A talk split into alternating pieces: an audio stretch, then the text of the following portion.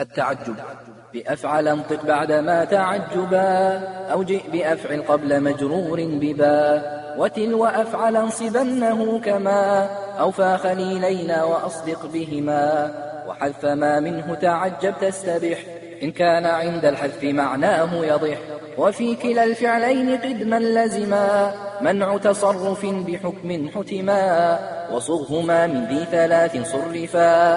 قابل فضل تم غير ذي انتفاء وغير ذي وصف يضاهي أشهلا. وغير سالك سبيل فعلا. وأشدد أو أشد أو شبههما. يخلف ما بعض الشروط عدما.